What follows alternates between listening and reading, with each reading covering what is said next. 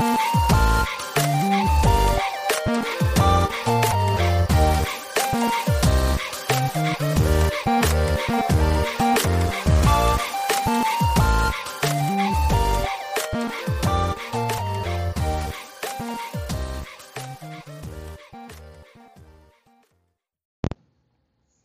Hey Mike, Bo with the Bang here. Just wanted to call and pass on my thanks for myself and the daily Fortnite community for doing what you do, sticking with that incredible daily schedule, and keeping the Discord active.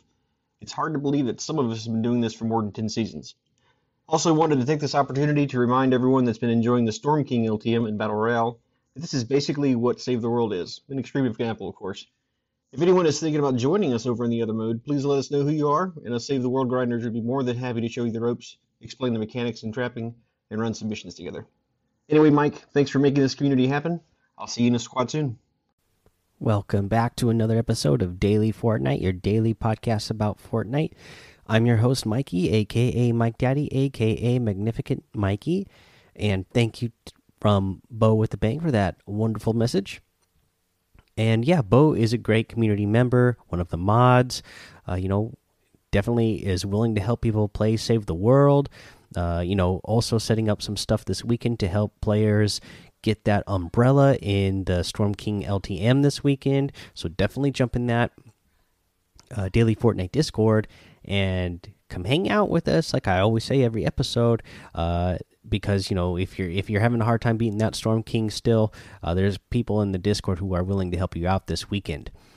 Uh, other thing I should say, I guess I forgot to mention Happy Halloween, everybody. Uh, just got back from trick or treating myself uh, with the with my boys, and we had a really great time. Uh, went with with my boys and my wife, and met up with a couple of my son's friends, and went trick or treating, and it was it was a blast. Really good Halloween this year. Um, so, what else we got going on? Let's get into news since uh, you know you don't want to hear about my trick or treating, my personal life. So let's go on to what we got going on in the game here. And here's what we got going on. So, this comes from Fortnite Competitive. So, the rules for Platform Cash Cup state that players may only participate in a single region for any contender Cash Cup. This is incorrect and will be revised shortly. Players can participate in multiple regions for these tournaments. So, there you go. And then another update that was today. This weekend, the Fortnite Championship Series will require players to be in at least Contender League Division 6 in order to participate. Previously, the requirement was Champion League Division 8. Week 2 will still use Champion League as the requirement. So, here's what I'm thinking I'm thinking maybe they changed it for this first tournament. Maybe they realized they didn't give players enough time to get up into that champion league. So maybe they were the the amount of players that actually were in that division in that champion league division maybe was low. And that's why they lowered it for this weekend so that they can get more people in. I'm not sure. Uh, but that that is what the case is this weekend. Uh, but starting week two it will go back to you need to be in champion league and that's the news I got for you today. So let's go ahead and let's move on over to um, the challenges. Okay, so because we got new challenge list today, so let's go over the challenges that we have. So, uh, first up, the first set is the eliminations at Pleasant Park or Dirty Docks. That's three in total. I know Squeaks in Discord isn't too happy about that because he's liking landing over at Dirty Docks, and so now it's going to be a little bit busier over there. But you know, at least it'll be an easy challenge to get done for you. uh, let's see here. You need to search chests at Dirty Docks or Salty Springs, seven in total. You need to deal damage with sniper rifles to opponents, 250. You need to jump a motorboat through different flaming rings. Deal any damage to opponents by shooting exploding gas pump, and visit the boot the boat launch uh, the Coral Cove, and the uh, Flopper Pond. Now you'll get to the next part, and you need to deal damage to opponents from above 250. You need to land at Weeping, uh, Weeping Woods, Lazy Lake, and Pleasant Park. You need to have explosive weapon eliminations, two in total. You need to deal damage to enemy structures with explosive weapons, 200 in total. And you need to search for the hidden T found in the dockyard deal loading screen. All right, so that's all the challenges. We'll go over some tips on how to get these some of these done throughout the week. But we have a tip from Brian RTFM that I took advantage of today, and this one uh, was a good call. So one of the challenges in the Fortnitemares is that you need to collect 15 coins in creative maps in different creative modes. Well, what you can do is go over to the prop hunt map and go play prop even and even if you don't have anybody else to play with normally when you do prop hunt you would have multiple players and you know everybody else would be hiding while one person is seeking. Well if you just even if you play this prop hunt map by yourself you'll start out as the seeker. And every time you hit something you lose a little bit of life if it's not if it's not a player, and there'll be no players if you're playing by yourself. So you'll lose a little bit of health each time until you are eliminated. And you could just do that really quick right at the beginning of the round, and you will automatically be eliminated. Now, the next thing in the next round, you will be somebody who hides, and you can just for the time limit remaining in that match. I can't remember how long that those rounds are, but all you do is run around the map and pick up the coins. And there's more than 15 coins uh, spread out throughout the map.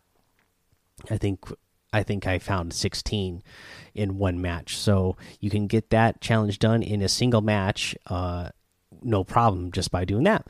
So thank you, Brian RTFM, for that good catch. And let's go ahead and take our break now. We'll come back. We'll go over that item shop and our tip of the day.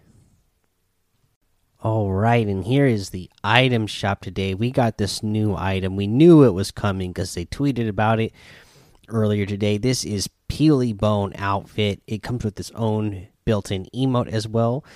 But here we go. He's probably going to be fine. and if you haven't seen the Peely Bone outfit, uh, he is half banana, half skeleton.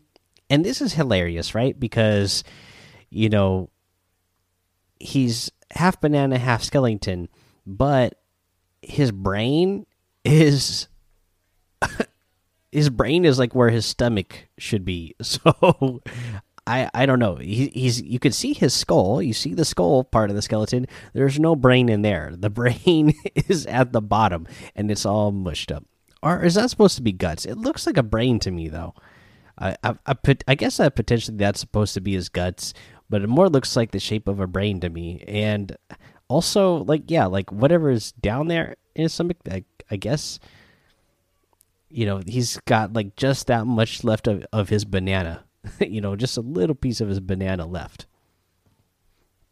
So yeah, a pretty pretty silly looking one there.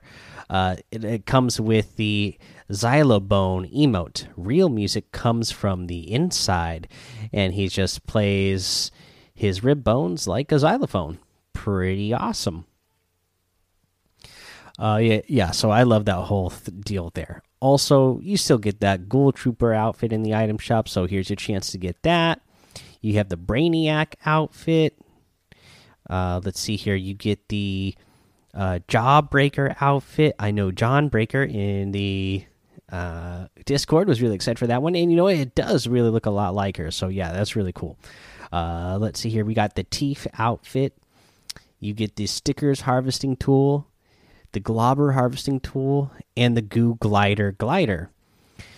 We have the Chaos Agent outfit, the Chaos Scythe harvesting tool, which is again just a really cool harvesting tool that I like a lot.